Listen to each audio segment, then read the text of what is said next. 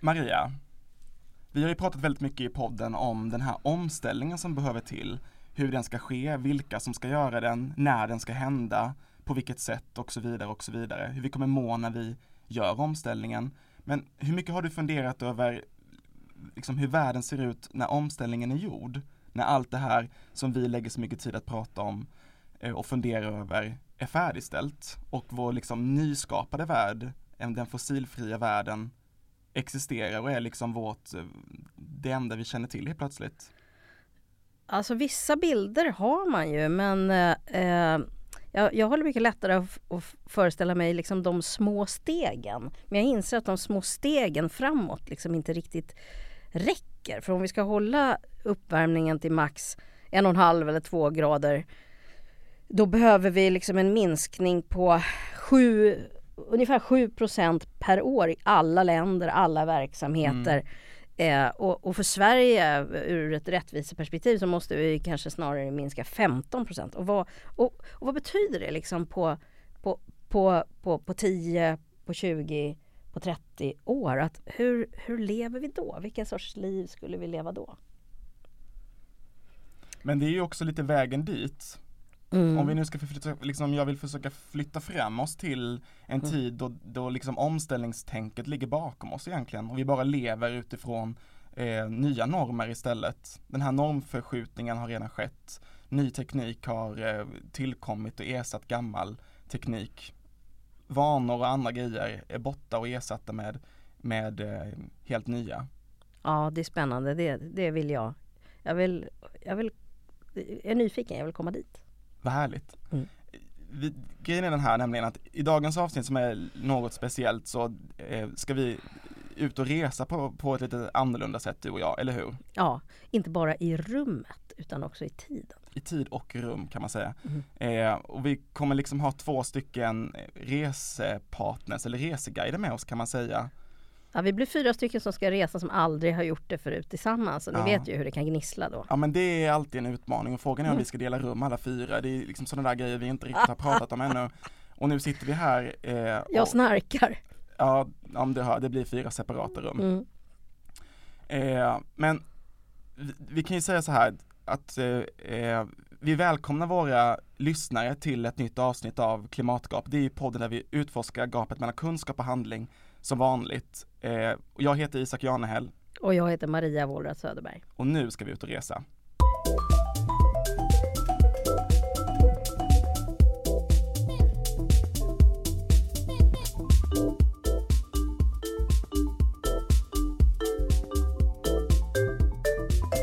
Så nu ska vi ut och resa Maria. Det är ju något dina favoritsysslor vet jag. Eller var två. det var ju det. Det var ju det. Ja. ja men du har inte kunnat göra det på ganska länge. Nej, jag har inte det. Du flyger mm. inte. Nej. Men vi ska möta upp våra guider här, mm. Johannes och Ludvig, stämmer det? Är det ni som ska guida oss till den här, i den här resan? Ja, det stämmer. Det ska bli väldigt spännande. Jag heter Johannes Stripple. Eh, jag heter Ludvig Bengtsson Sonesson. Och vilka, vilka är ni och vad, vad, gjorde ni 2021? För nu har ni förflyttat er till, till eh, framtiden förstår jag. Precis, 2021 så var jag lärare och forskare på Lunds eh, universitet och hade sysslat med klimat och klimatpolitik och klimatframtider under några år. Och eh, jag var också på statsvetenskapliga institutionen av, av en händelse eh, och tillsammans så jobbade vi med olika sorters framtider. Och ni ska helt enkelt vara våra guider nu när vi ska ut och resa. Var, var är det vi ska någonstans? Vi ska till Notre Dame som är en helt fossilfri stad. Har ni varit i någon sån förut? Nej, men vi, vi har rest ganska fossiltungt vet jag. Ja. Bakåt i historien, men så blir det inte nu förstår jag. Ja, den är ju en, eh, en fossilfri stad eh, där allt eh, har blivit normalt. Så, det, så ni kommer ju ni kommer ju liksom uppleva den lite ovanlig och lite, det, en del kommer kännas lite krångligt och lite svårt och sådär. Men om ni pluggar på i en guidebok och lyssnar lite på oss så kommer ni kunna smälta in där och inte göra bort er. Nej, för det vore, man, vore jobbigt om man gjorde bort sig det första man gjorde. Den här staden, den, jag antar den, den ligger varken nära oss i, i tid eller rum. Maria avslöjade lite tidigare att vi ska ut och resa fast liksom på två sätt. Ja, vi skrev den här eh, boken 2045 för er. Eh, så ni är med på det. Uh, Reseguiden ja, menar du? Rummet, den är närmare än vad ni tror skulle jag säga. Det okay. mesta är nära nu 2045. Mm. Och hur är det att vara i Notre Dame? Det är en stad som eh, karaktäriseras av återbruk, återvinning, grön teknik, det är nya sätt att resa och mat produceras på lite annat sätt. Alltså ni kommer inte se några flygande bilar.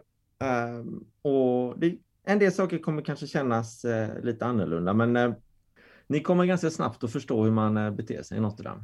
Men vad tycker ni är tips då? Liksom, vad bör man besöka? Vad bör man se? Det beror, jag antar att ni såklart inte flyger dit. Utan ni kommer väl, det blir liksom en första fråga kom, hur vi ska komma dit. Ni kommer väl till hamnen gissar jag med någon av eh, båtarna då. Och he, hela hamnområdet är ju väldigt spännande. Hamn har ju alltid har ju ofta en fossil historia så det finns ju mycket lämningar och spännande grejer. Så jag skulle kunna tipsa om att ni tar hamnturen så ni kan liksom från vattnet eh, kika på det. Och, och, vad ser vi då då? Jag har en guide här framför mig faktiskt. Eh, Eh, en guide Hela hamnområdet har ju blivit en slags hubb för den cirkulära ekonomin. Liksom. Så, för, så där har ni ju liksom inget stål för att gå till spillo där utan allt har ju precis tillvara. Så liksom, det är ju liksom en, ett flöde av material, ett återsamlande och ett, och ett, åt, mm. och ett återbruk där. Så det är ju det är lite av en mecka och ni kan inte promenera där riktigt utan det är fint, men det är fint att se från havssidan eh, hur, det, hur den liksom cirkulära ekonomins hjärta om man nu är intresserad av eh, att eh, uppleva industri när man reser. Men om man som jag, jag gillar mysiga krogar, trevliga sociala ställen, vackra platser. Var ska man, finns det mer att se i det här hamnområdet då? Vi får inte missa det stora monumentet. Det går, går ju inte att missa. Är det, det Monument to the Death of an... Det har vi ju, vi har hört den? lite om det. Berätta ja. mer Ludvig, vad är det för monument? Ja, men som många stora saker så började det smått. Mm. Människor la plast eh, som inte gick att återvinna eh, på hög helt enkelt i hamnen som en, ett monument till då den här idén om icke återvinnbar eh, material, att den är död. Och det har växt och växt och växt och nu är det verkligen ett helt enormt berg av plast mm. som ligger där för att påminna oss vad vi ska inte återgå till. Mm ta gärna med en om ni har lite plast hemma liksom. Och för i Dame så finns det inte så mycket, även om ni går runt och letar på gatorna där eller någon park, folk, det ligger liksom inte saker längre, plastgrejer slängda och så, utan ta med någonting eh, som, som ni kan lägga på högen. Det är liksom ganska fint att ha gjort det. Det blir lite av en ceremoni, liksom att ha gått fram dit och så har ni mm. lagt eran, eran grej på högen. Vårt minne av en tidigare tidsålder. Ja, precis, mm. precis. Vi var ju inne lite tidigare på att vi liksom inte kommer göra bort oss när vi kommer till den här tiden men på något sätt, ja, utifrån alla filmer jag har sett där man reser just i, i tid så, så på no är man ändå en liten utbörling på något sätt. Eh, hur, kan vi vara så säkra? Ju, om, ni, om ni börjar ladda era scooters när ni kommer där så, får, när, så fort de har nått 100% så måste ni ta bort dem. Alltså folk ja. blir vansinniga om eh, om en, ingen gillar en hundraprocentare liksom. Så ni kan inte låta dem stanna kvar där utan så fort som sakerna är fulladdade så ska ni off-griden liksom. Ja. Man, man, kan inte ladda sin mobil på natten som jag gör så att den liksom ligger med sladden i då? Ja det går bra men du får inte ta någon annans laddplats liksom utan nej, det, du måste hela tiden dela med dig av det här elutrymmena som finns liksom. Man kan inte hålla på och slöladda eller bara låta det stå kvar liksom. För vilken vecka var det ni skulle åka dit? Alltså, ni har ju den fantastiska Burning Mankind-festivalen som om ni om ni prickar in den, den är ju faktiskt en upplevelse. Jaha, okej. Okay. Vad, vad är det för är festival? Det är liksom lite mer då, man försöker i Notre Dame att tänka hur hade det kunnat bli om det blev en fyra graders värld istället? Så då kan man ju uppleva då liksom den här alternativa historien då att vi då, då är det en, ett hårt ransonerat samhälle. Det är tufft. Det är lite av Mad Max-världen, fast det är mycket mer samarbete, inte den egoism liksom.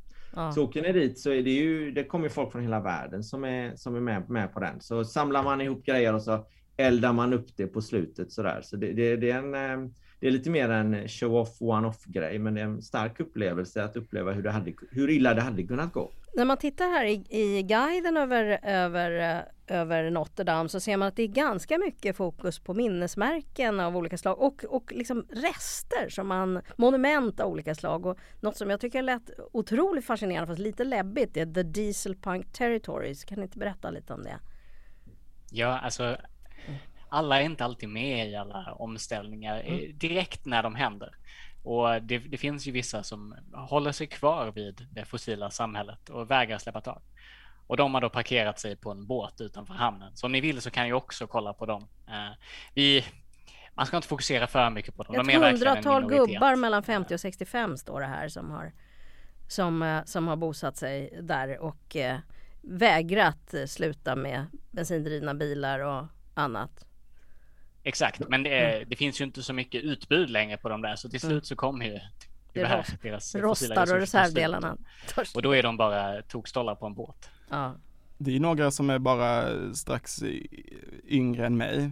Det, blir, det är lite oroväckande att tänka att det är mina jämnåriga som lever som utbörlingar där och vägrar acceptera en, en omställning. Jag tänker att jag är så ung nu och med i leken men Ja just det, och jag är ju 80-årsåldern när vi gör den här resan faktiskt. Ja det är frågan än som om, om du orkar. ja, så du ska ju verkligen se upp eh, för de röda cykelbanorna. Ja, vad är det? Det är de snabbgående filerna eller?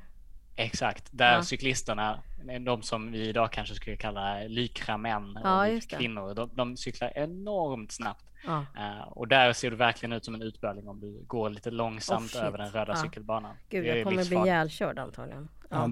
ja. Det var ju inne lite på det här just med att eh, man inte får eh, liksom överladda sina elektriska prylar och sådär nu, nu har vi lämnat 2021 bakom oss men vad jag minns under den tiden så var det väldigt mycket diskussion om just eh, energiåtgången, hur man skulle lösa det i framtiden. Hur har, man, hur har vi fixat detta 2045? Det verkar ju ändå vara lite brist på energi. Det är mycket mer, det är mer så att man eh, är observant på att man inte kan använda för mycket hela tiden i olika lägen. Så att det blir lite skämmigt på många sätt att låta kranarna droppa och låta sakerna stå lite öppet mm. och så. Så det är ju lite mer och det det är ju ingenting som not, not, de, notterdamerna och notterherrarna tänker på, utan det är ju fullständigt, det är bara så man gör. Det är ju ni som kommer göra bort det lite om ni inte tänker på det, att ta bort skotern ja. när den är fulladdad och stänga igen mm. och, och ha det här vanliga slösaktiga 2020-beteendet. Liksom. Mm. Alltså vi har lärt oss att, att, att eh, ta vara lite bättre på det, det vi har så att säga. Mycket bättre verkar det som. Absolut. Kommer ni, har ni tid att gå på några restauranger och så? Ja men herregud man måste ju äta. Jag är redan hungrig nu. Finns det någon hamburgare att tillgå i 2045? Jag skulle tipsa, vad säger du Ludvig, ska vi tipsa om eh, Slakthuset? Absolut.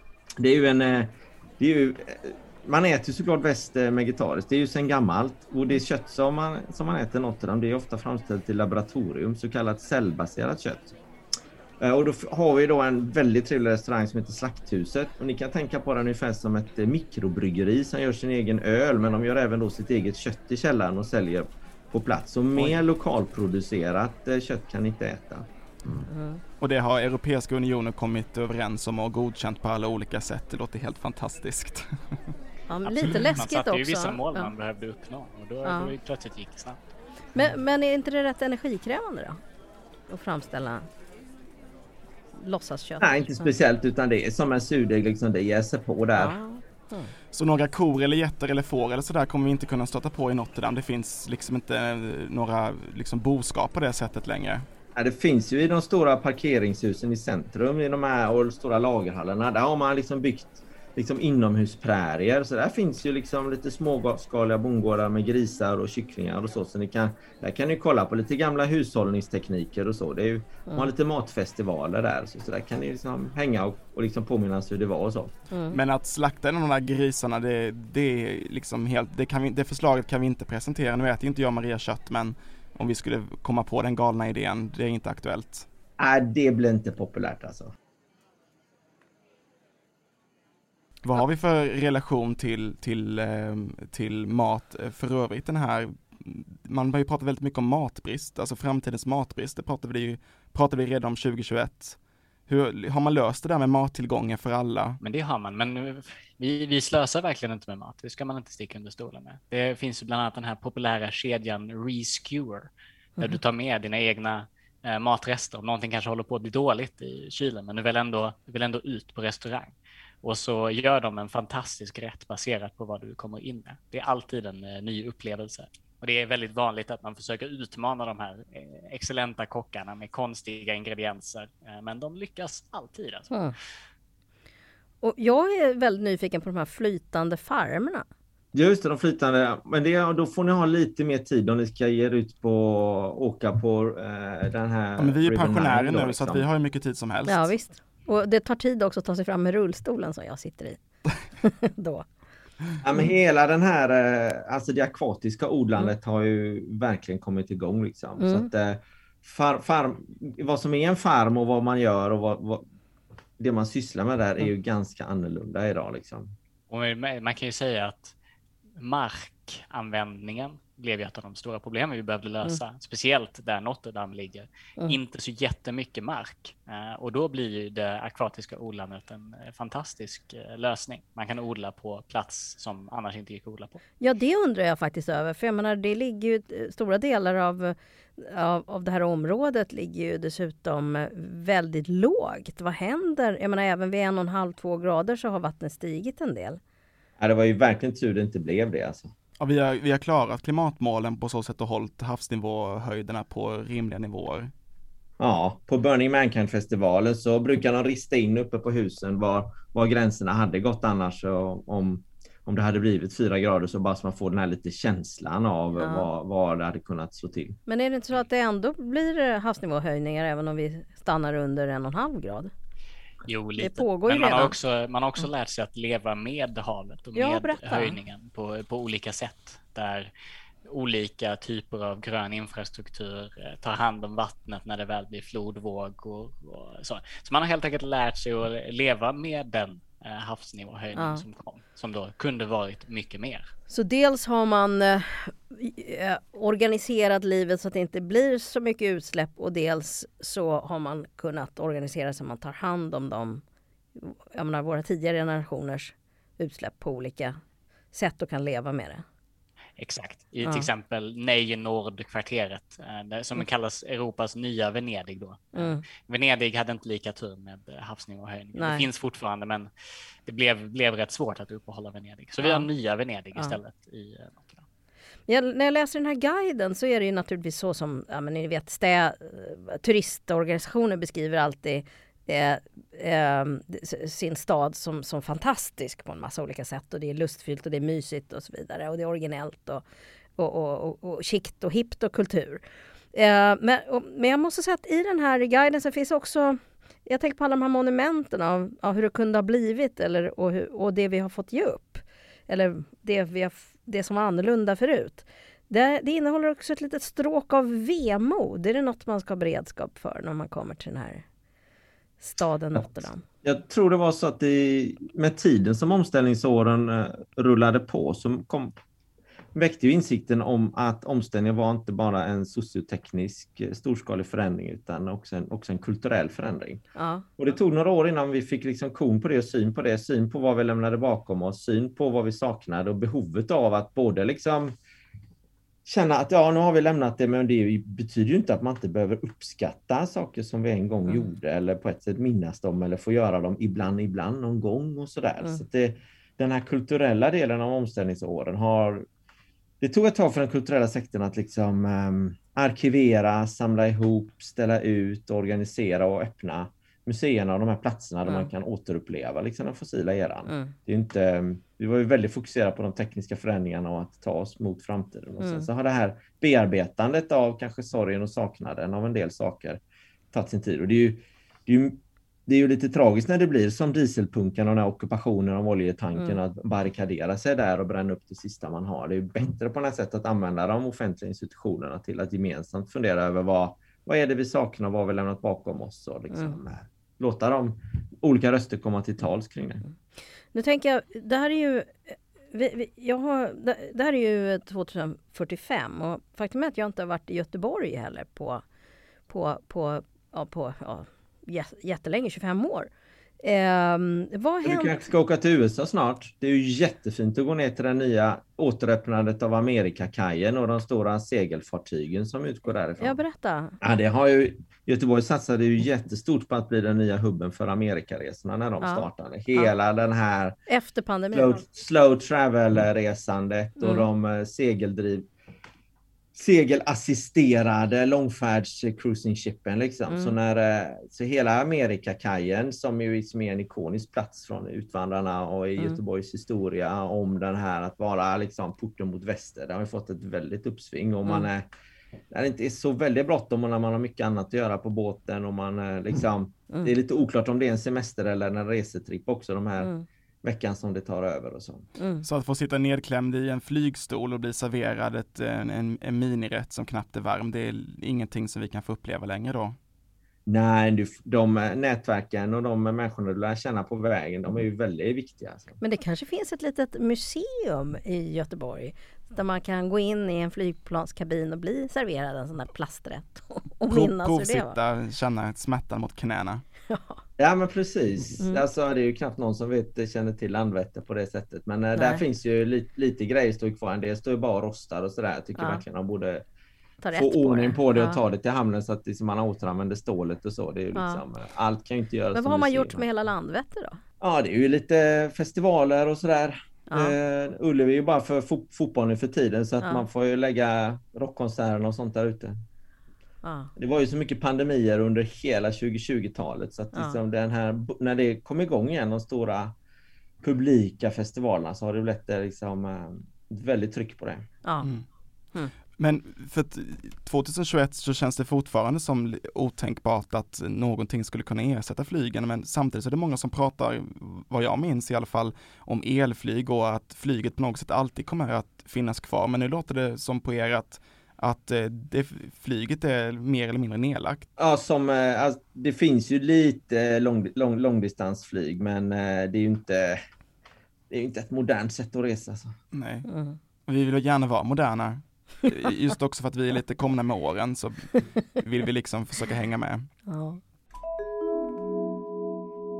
Men jag, jag tänker, vi, vi har pratat väldigt mycket om, och, och liksom, försökt bearbeta den här, det här faktumet att omställningen medför massa saker som gör ont, saker vi behöver ge upp och saker vi kommer sakna. Hur mår vi? Hur mår våra män, eller människorna vi träffar 2045? Är de lyckliga över omställningen eller går man runt och liksom bittert tänker tillbaka på den goda fossila tiden där man kunde enkelt eh, Köra sin SUV till eh, fjällen och åka eh, lift. Upp. Alltså, jag kan bara prata för mig, för mig själv, men Mm. eh, jag mår väldigt bra. Mm. Jag har mer tid, saker går mer långsamt.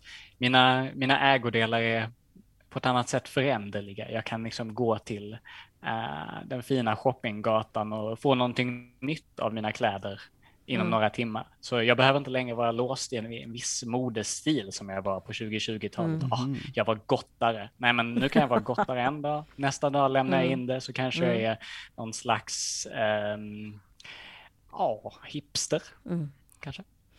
Jag gillar det där att det, på, på- att det finns eh, eh, butiker överallt där man kan låna grejer. Eh, man behöver inte ha allting själv, alltså verktyg. Och nu skulle jag behöva till exempel en cirkelkap, då går jag bara och lånar den. Eller hyr den.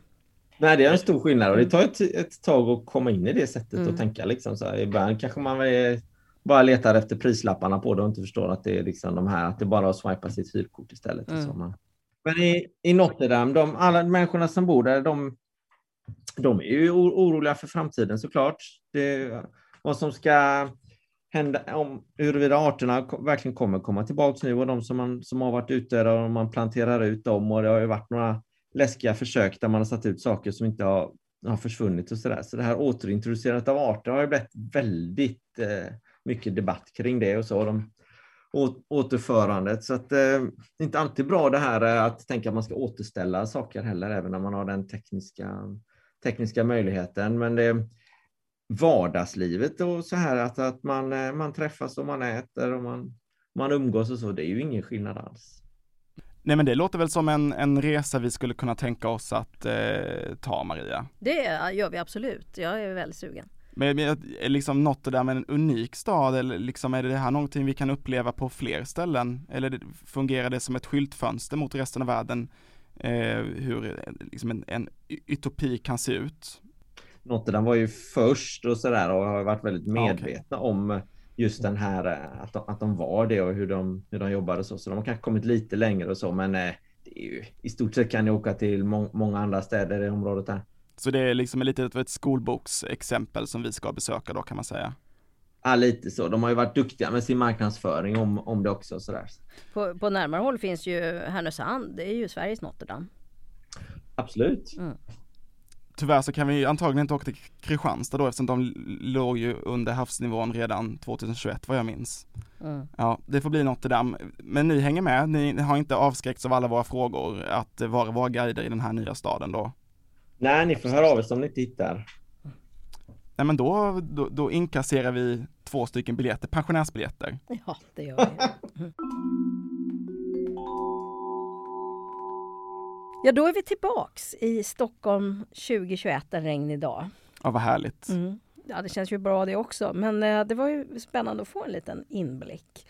Ja, och det var fint att ha er som guider, eh, Johannes och Ludvig. Och eh, eh, det är ni som har utvecklat det här konceptet Notre Dame, eh, som är en reseguide för framtiden, en fossilfri, i en fossilfri värld. Kan, kan ni berätta, vad, vad är det för någonting och vad syftar det till?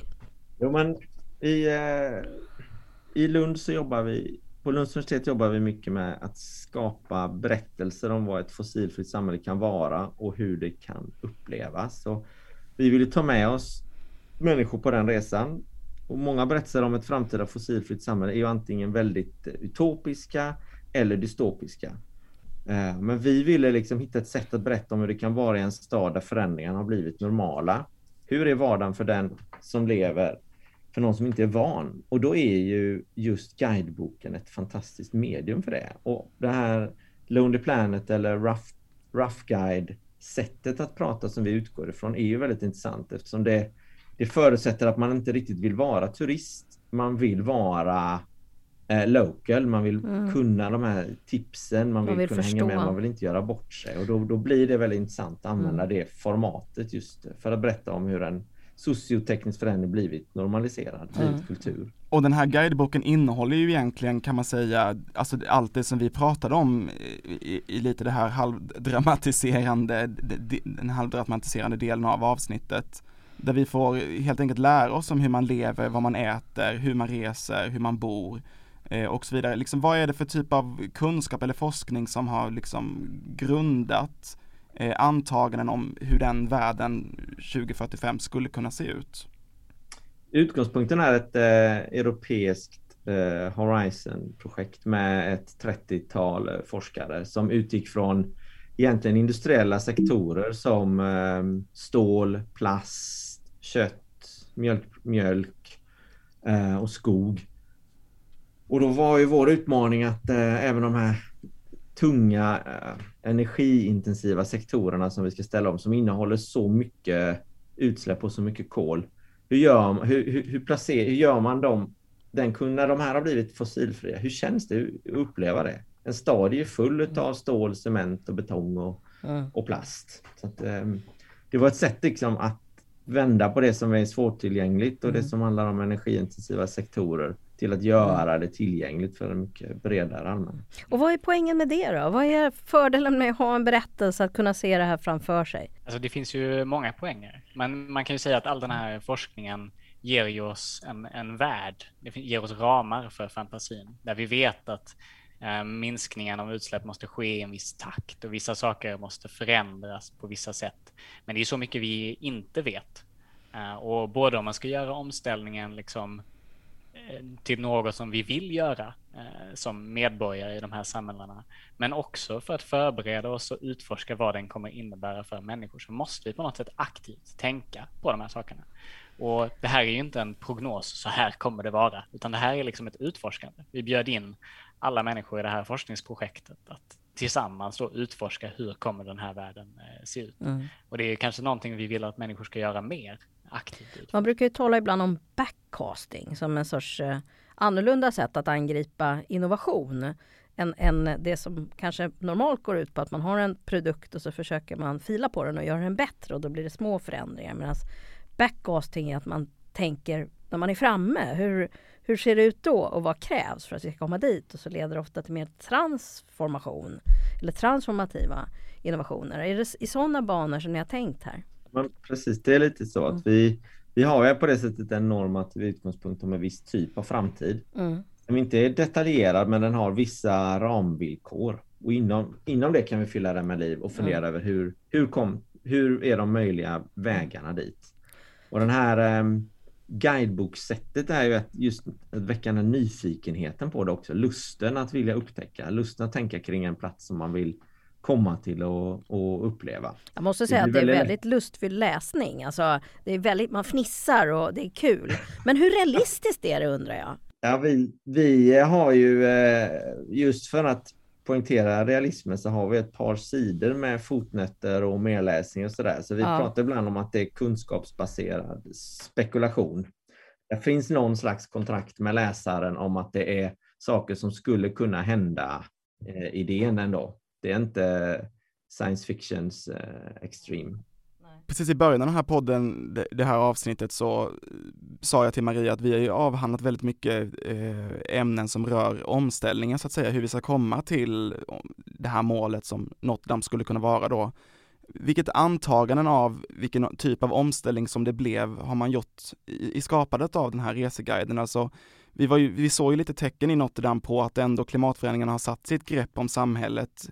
Vilket scenario så att säga kopplat till till exempel 1,5 graders målet har ni utgått ifrån när ni har skapat den här guiden? Ja, tekniskt sett kan man säga att vi har utgått en del från eh, image-modellen i, eh, som eh, en del av, var en del av forskargrupperna, som är ett, där man har just modellerat hur olika sektorer kan gå till netto noll 2050. Så att det är ju egentligen det som är tekniskt, eh, tekniskt möjligt och eh, hyfsat ekonomiskt möjligt. Eh, och sen modellerar man även där en del beteendeförändringar.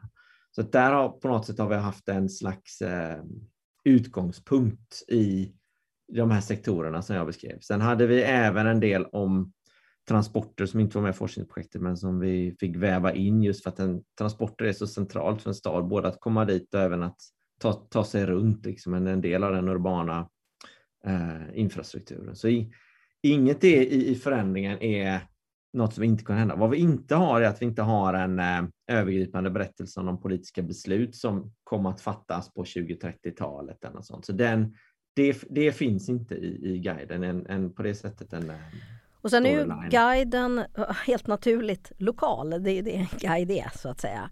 Ja. Eh, men eh, det man undrar ju då, vad är det som krävs globalt för att vi ska kunna hamna här. Vad säger ja, ni? Du, menar som, eh, som forskare då, vi tror skulle krävas? Som... Ja, nej, för jag tänker så här, eh, ja, men, eh, Notre Dame kan ju fatta sina beslut. Ja. Men är också beroende av beslut som fattas över hela världen för att vi inte ska landa på fyra, fyra grader eller, eller mer i uppvärmning.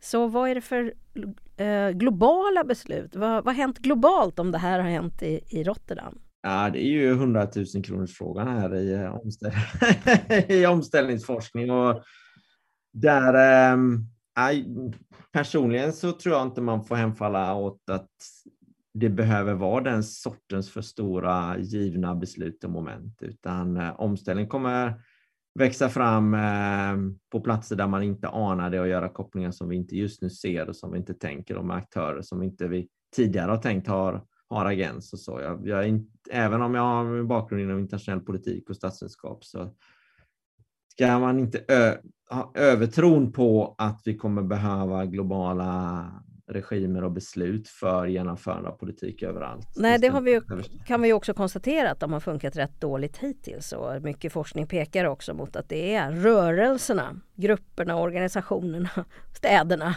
liksom som som måste göra jobbet och som kan inspirera varandra och dra varandra.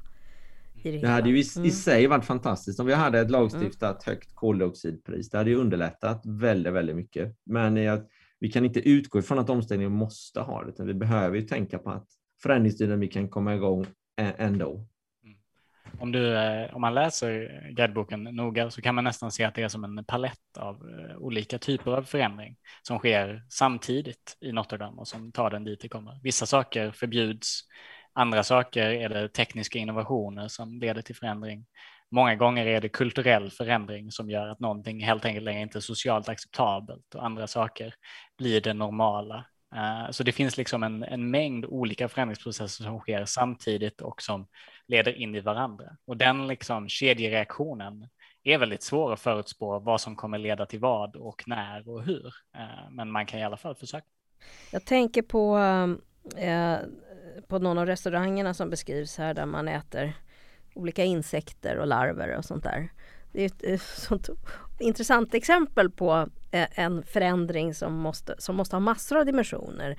Eh, lagstiftningsdimensioner, eh, eh, eh, alltså jordbruksdimensioner och normdimensioner, kulturdimensioner och så vidare. tycker jag är väldigt spännande att fundera över. Vad är det som krävs för att vi ska tycka att det känns bra? Jag tänker på mina bekanta från andra länder som tycker att det är jäkligt märkligt att vi äter kräftor. Det är ju insekter. Alltså, ja, det är ju inte det rent biologiskt, men alltså känslan av att det... Jag, jag tror att i allmänhet så mm. överskattar man mm. eh, hur enkelt det egentligen är att normer förändras. Speciellt i dagens samhälle där all förändring accelereras rätt snabbt. Ja. Och bara om man tänker fem år bakåt i tiden så skulle vi ju aldrig skrivit någonting om insekter och nu skriver vi någonting om insekter. Om fem år så kanske det känns helt larvigt, ursäkta skämtet, att, att, att, skriva om eh, insekter. Så de här normförändringarna sker ju väldigt snabbt. Ja, jag tänker bara på hur omöjligt det lät med att eh, sluta med plastpåsar i affären.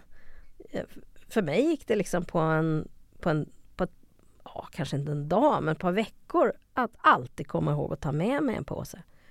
Mm. Hur svårt? Men med den, med den ja. vetskapen, om du då tänker dig 2045 och de här möjliga förändringarna som, som kanske finns. Om du då tänker dig att när du ser tillbaks därifrån så har du samma känsla som du hade inför plastpåsskatten. Ja, är inte ja. det rätt befriande? Jo, det är befriande.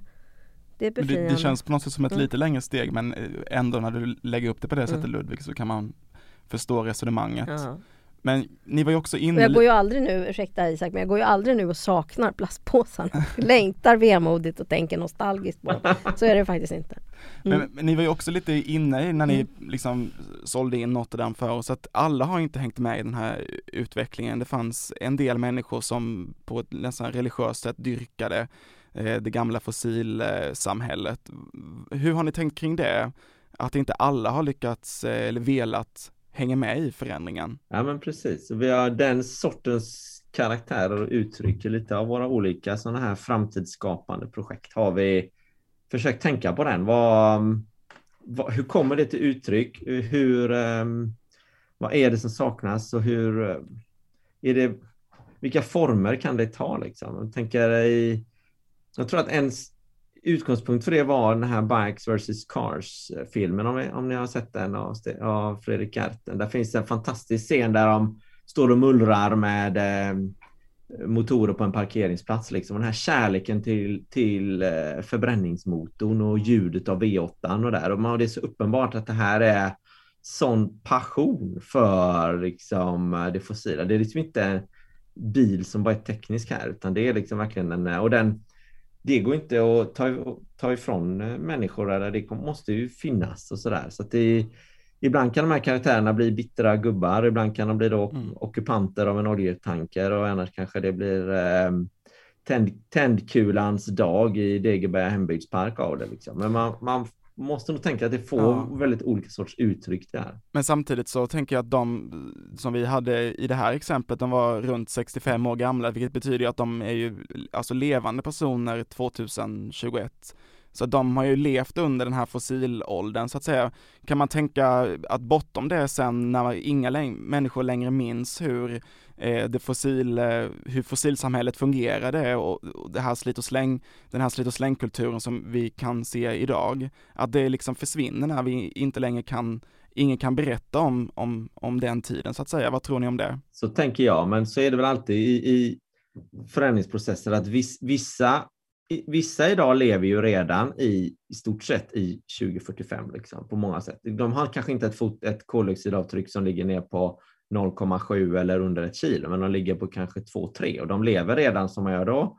På samma sätt som det kommer finnas rester av dem som under lång tid kommer ha väldigt höga utsläpp om vi inte lyckas lagstifta eller helt förbjuda bort den möjligheten. Så de här parallella tidsfickorna som folk lever i. Några ligger långt före och några eh, kommer att vara eftersläpare liksom, såklart. Och det här får mig att tänka på rättviseperspektivet och på eh, det att eh, som det är nu så man, man, när man läser den här reseguiden då får man lite grann en känsla, jag hoppas att inte säger något som sårar er nu, av att det finns ett medelklassperspektiv eller vad man ska kalla det eh, i det hela. Lite privilegierat men det är ändå inte liksom jordens rikaste personer som gör den här resan och är intresserade av det här. Men, eh, eh och, och, det är inte så, det, det, är rimligt därför att det är vi som i hög grad måste ändra beteenden. Eh, eh, men det finns ju också stora delar av jorden som kanske inte skulle känna igen sig en hel del här. Men de, det är klart inte de det är skrivet för. sig.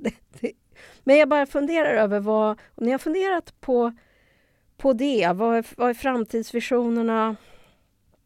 Här är det en, vi. en utgångspunkt ja. som vi ville, som vi hade i mm. hela projektet och i boken, det var att komma bort från det här, från idén om, den, om individen som gör vissa sorters val.